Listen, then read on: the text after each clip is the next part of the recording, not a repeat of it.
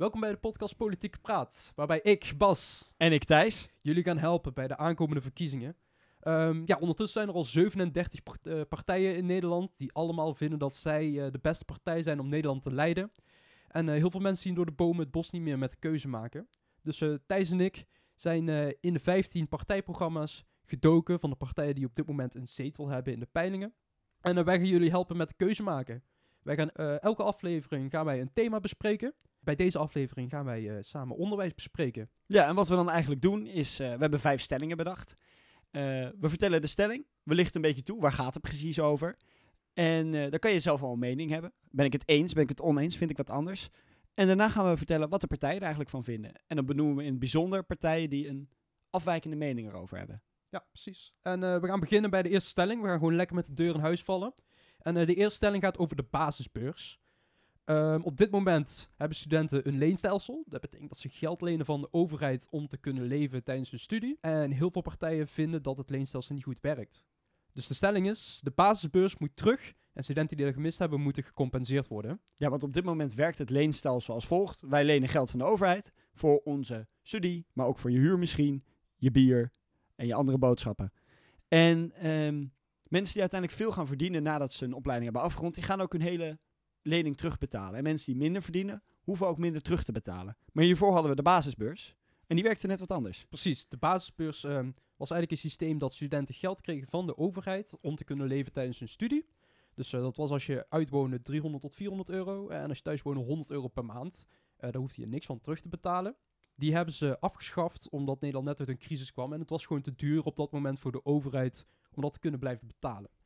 Toen hebben ze het leenstelsel ingevoerd en daarmee eh wouden ze het geld dat ze bespaarden met de basisbeurs afschaffen. Eh, dat geld wouden ze weer terug investeren in het onderwijs. Maar met 300 euro per maand heb je toch nog steeds niet genoeg om je school te betalen en je huur. Je je kreeg gewoon alleen 300 euro per maand. Krijg je meer?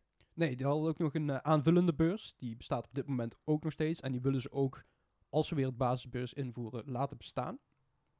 En dat hielp inderdaad mensen die uit wat minder rijke families kwamen... om ook nog wat extra geld te hebben om te kunnen leven. Ja, want die aanvullende beurs is inkomensafhankelijk, toch? Wat je ouders verdienen, zo hoeveel jij uiteindelijk krijgt van de overheid. Inderdaad, ja, inderdaad. Maar dan gaan we naar de stelling. Ja, de basisbeurs moet terug en studenten die dat gemist hebben, moeten gecompenseerd worden. Nou zie je dat bijna alle partijen daarmee eens zijn. Ehm, Eigenlijk alle op één na. op één na, ja. En dat laat dan net de grootste partij van Nederland zijn. De VVD is de enige partij die het niet eens is met deze stelling. De reden dat de VVD geeft is eigenlijk omdat het huidige leenstelsel volgens hun nog wel goed werkt. En het geld dat ze besparen met het leenstelsel, doen ze ook echt terugsturen in het onderwijs, waardoor het onderwijs ook gewoon veel beter wordt. Ja, het grappige is hier dat je dus ziet dat de VVD wel eh, hun leenstelsel goed vindt werken en het wil behouden. En degene met wie ze het gemaakt hebben, GroenLinks, Jesse Klaver in het bijzonder, die vinden juist dat afgeschaft moet worden. Het is mislukt. Ja, Jesse Klaver heeft ook twee jaar geleden al gezegd dat hij eh, het leenstelsel een flop vond en dat hij weer voor de basisbeurs was.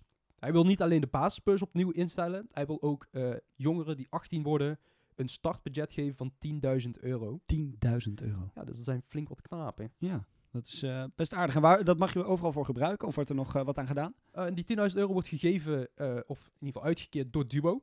En ehm, de eerste paar jaar doet Duo ook dat geld een beetje monitoren om te kijken of dat jij het wel uitgeeft aan je studie en het niet allemaal verprast. Uiteindelijk zou je het ook mogen gaan uitgeven aan het starten van je eigen onderneming of misschien het kopen van een huis. Ja, maar dat is ook een van de problemen hè, waarom ze die willen invoeren. Want die studie, eh, die lening op dit moment zorgt voor veel studenten met stress. Ze hebben te weinig geld, eh, dus ze gaan heel veel bijbaantjes hebben. Maar ook, ze zitten al met een schulden, waardoor het moeilijker is om een hypotheek te krijgen. En die heb je nodig om een huis te kopen. Dus dat is eigenlijk een van de belangrijke dingen waarom ze dit willen invoeren. Alle partijen willen eigenlijk ook de mensen die het gemist hebben, willen ze compenseren. En één partij die is nog net wat anders. Die denkt er nog net wat anders over, over die basisbeurs. Ja, de Volt, hè, de Europese partij, die zegt eh, dat eigenlijk het collegegeld voor alle Nederlanders afgeschaft moet worden. Dat gaat de overheid betalen.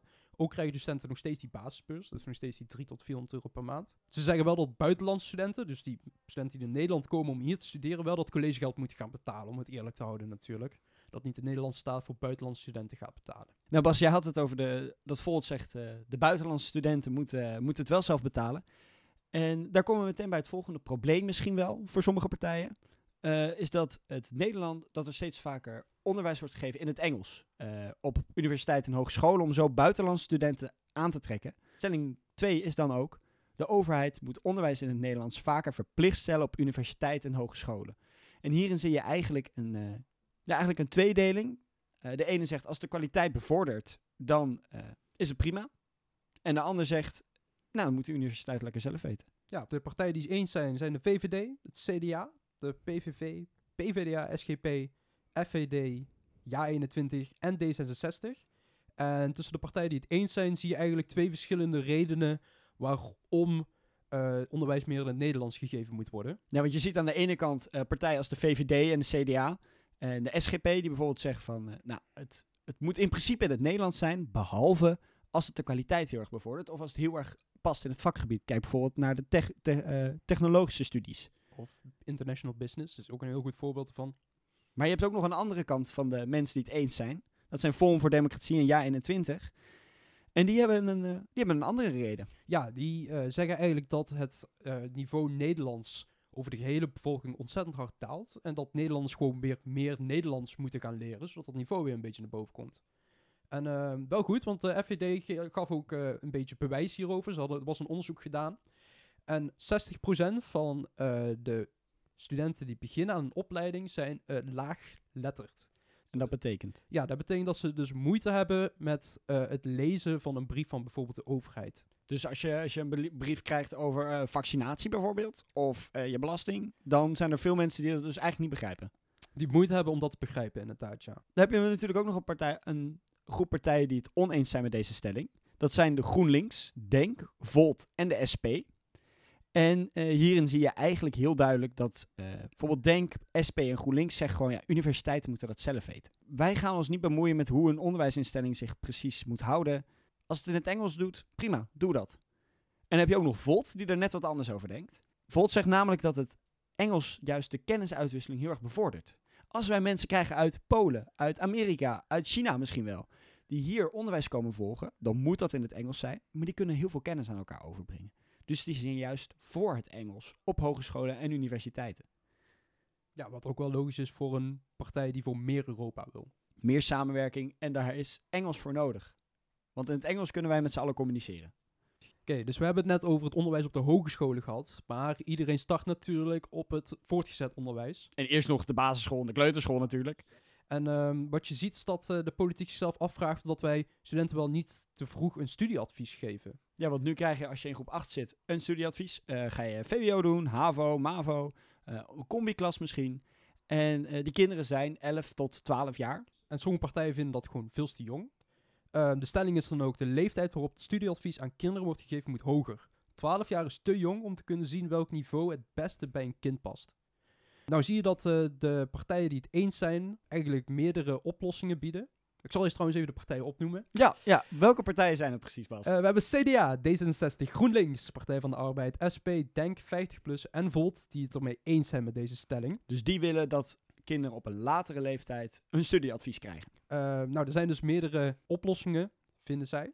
Uh, de D66 zegt bijvoorbeeld dat er een middenschool moet komen. Dus een school tussen de basisschool en het voortgezet onderwijs. Dat is een school waar kinderen van 10 tot 14 jaar naartoe gaan. Daar nog steeds op hetzelfde niveau onderwijs krijgen. En zodra zij van die school afgaan naar het voortgezet onderwijs, dan pas krijgen zij het studieadvies. Ja, en CDA vindt dat ook, hè? Ja, CDA sluit zich daar compleet mee aan. Dus inderdaad, die hebben daar dezelfde mening over. En dan heb je nog een partij zoals de SP. En die zegt eigenlijk dat uh, de onderwijsniveaus op het voortgezet onderwijs helemaal afgeschaft moeten worden. Dus iedereen krijgt voortaan uh, dezelfde, hetzelfde niveau onderwijs. Zij zeggen dat het ontzettend goed werkt om uh, de talenten die een kind heeft, uh, het zelf te laten ontdekken. En ook jezelf daarin te kunnen ontplooien. Ja, want ze hebben vooral dat, uh, als argument die ze heel vaak geven, sommigen zijn laadbloeiers en anderen die, die zitten al heel vroeg. Die zijn in groep 7 al heel slim bezig. Maar sommigen die moeten, ja, die hebben daar gewoon wat meer tijd voor nodig. Dus vandaar dat ze een middenschool... Laadbloeiers. Ja, laadbloeiers, precies. Er zijn er ook partijen die het oneens zijn. -hmm. Dat zijn uh, de VVD, de SGP, de Partij voor de Dieren, FVD, ChristenUnie en Ja21. En um, wat veel van deze partijen eigenlijk zeggen is, uh, nou het huidige systeem wat we hebben, dat werkt gewoon heel erg goed. Dus waarom iets wat goed werkt veranderen? Ja, en dan Forum voor Democratie zegt daarentegen wel van... het moet makkelijker worden voor kinderen om te wisselen in de brugklas. Stel jij gaat heel goed op de HAVO, dan kan jij misschien wel naar 2 VWO. Maar stel jij gaat helemaal niet lekker op de HAVO, dan kan je misschien naar de MAVO gaan. Dus dat het makkelijker wordt voor kinderen om daarin te wisselen. Ook wel grappig, de ChristenUnie geeft ook nog een extra dingetje erbij. Die zijn het er niet mee eens dat de leeftijd veranderd moet worden. Maar die zeggen wel dat kinderen keuze moeten krijgen in welk studie, eh, studieniveau ze naartoe gaan. Dus ze moeten nog steeds de eindtoets maken. Ze krijgen nog steeds advies. Maar het kind mag wel zelf bepalen van, nou, ik denk dat ik wel een stapje hoger aan kan. Of ik denk dat ik toch liever een stukje lager wil, dat ik daar beter op mijn plaats zit. Risico wat je daarmee wel kan lopen is dat ouders kinderen heel erg gaan pushen. Van, nou, jij kan wel VWO, jij kan wel VWO. Dat ouders niet altijd objectief kunnen zijn. Maar kinderen kunnen wel het beste uit zichzelf halen misschien. En de volgende stelling die gaat over dat leren op leraren op de basisscholen net zoveel moeten gaan verdienen als de middelbare scholen. Dat klinkt misschien van ja, hoeveel maakt dat nou uit? Maar je ziet op dit moment dat er een heel groot lerarentekort is op de basisscholen. Er zijn te weinig juffen en meesters. En uh, daarvoor is er gewoon heel veel stress bij die mensen. Een van de oorzaken die ze noemen is bijvoorbeeld dat de loon op het voortgezet onderwijs, de middelbare scholen, uh, hoger ligt dan op het basisonderwijs. En hierdoor gaan heel veel meesters en juffen die denken van ja, maar zoveel verdien ik niet als meester. Ik ga maar docent aardrijkskunde worden, of geschiedenis, of Duits, weet ik veel wat. Daar willen ze dus nu uh, zorgen dat die lonen gelijk komen. Dus de stelling luidt dan ook: leraren op de basisscholen moeten net zoveel gaan verdienen als op middelbare scholen. En de partijen die het daarmee eens zijn, dat zijn de CDA, D66, GroenLinks, PvdA, SGP, SP, Partij voor de Dieren, DENK en de ChristenUnie. En die zeggen eigenlijk allemaal precies hetzelfde. De kloof moet gedicht. We hebben een lerarentekort en het is oneerlijk. Ze hebben dezelfde opleiding, ze hebben allebei een HBO gedaan. Ze horen evenveel geld te verdienen. En D66 is daarin nog een beetje anders. Die willen zelfs de lonen in het algemeen verhogen met 9,5%. Een specifiek getal.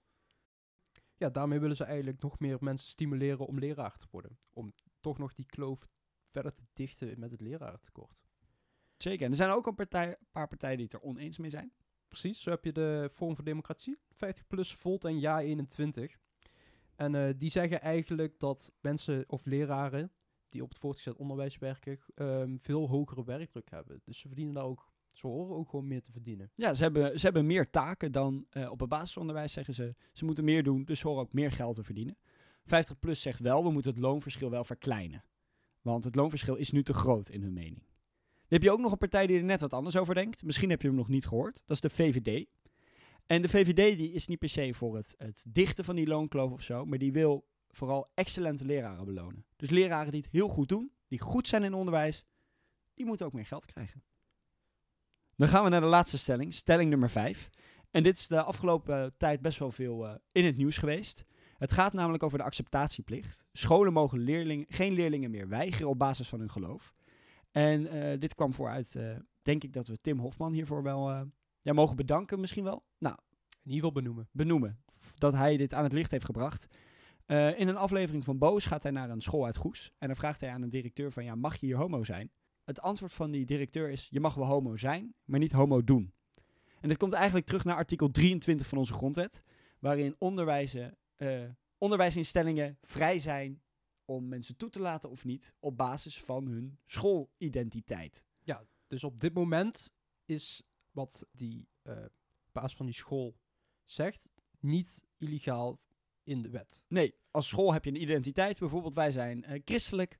En dan mogen ze mensen die islamitisch zijn of niet christelijk, mogen ze weigeren. Maar ook mensen die homo zijn, omdat dat volgens het christelijk geloof niet hoort. Sommige scholen wordt zelfs gevraagd dat de ouders een briefje moeten ondertekenen van mijn kind is niet homo, mijn kind is gelovig. En daar is veel opspraak over. Er zijn heel veel partijen die artikel 23 van de grondwet willen schrappen of willen aanpassen. Dus onze stelling luidt als volgt. Scholen mogen geen leerlingen meer weigeren op basis van geloof. Oftewel de acceptatieplicht.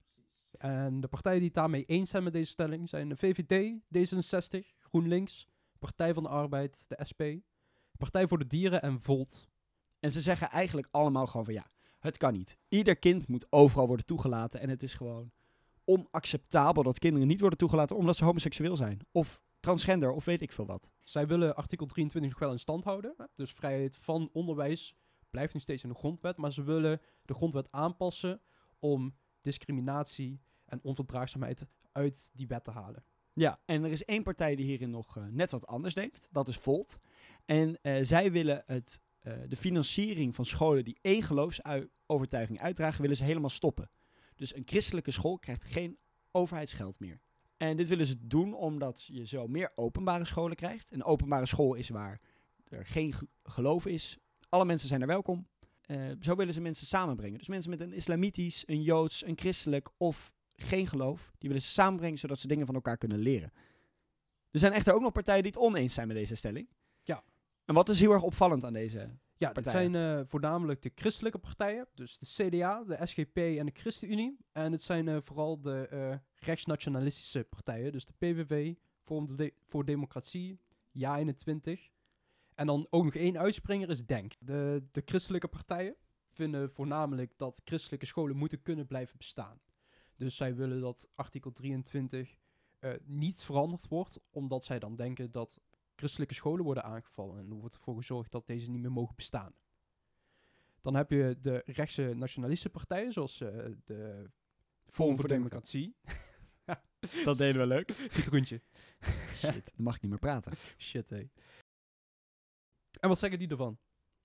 Ik mag wel weer praten. Jij mag wel Oh, oké, oké, gelukkig. Nee, eh, die zeggen eigenlijk dat eh, scholen dit mogen behouden om hun identiteit te waarborgen. Dus eh, scholen hebben een identiteit en we moeten er alles aan doen om die identiteit te behouden. Ze zijn Forum voor Democratie zegt bijvoorbeeld wel dat er strengere eh, kwaliteitseisen moeten zijn. En bijzonder voor islamitische scholen, zeggen ze dan. Ja, 21 zegt ongeveer hetzelfde. Die willen ook dat scholen zelf mogen beslissen wat voor een onderwijs ze aanbieden. Maar islamitische scholen worden hierop uitgezonderd. Dus die mogen niet zomaar mensen weigeren. En die mogen niet zomaar zelf beslissen wat voor onderwijs zij aanbieden. Dit zeggen ze vooral omdat die islamitische eh, scholen eh, niet bij onze cultuur horen. Dus die krijgen andere normen en waarden aangeleerd. En dat hoort niet in onze Nederlandse maatschappij. Aldus, ja 21 en Forum voor Democratie. En dat was alweer de laatste stelling van deze aflevering. Ja, ik eh, hoop dat jullie er wat aan gehad hebben. Dat jullie beter weten welke partij op het gebied van onderwijs bij jullie past. Natuurlijk zullen niet alle partijen precies zeggen wat jij denkt.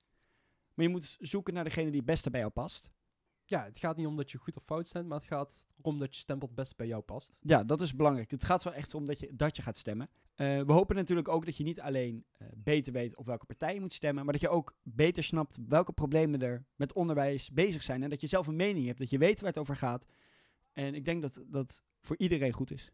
Ik wil iedereen bedanken voor het luisteren naar deze aflevering. De volgende aflevering gaan we het over klimaat hebben. Over klimaat, een ander belangrijk thema in ons, in dit decennium, in de komende jaren. Misschien wel het grootste probleem volgens voor sommige partijen. Ja, het grootste probleem van onze generatie. Dan zien we jullie dan. Inderdaad. Dank jullie wel voor het luisteren en fijne dag. Ciao.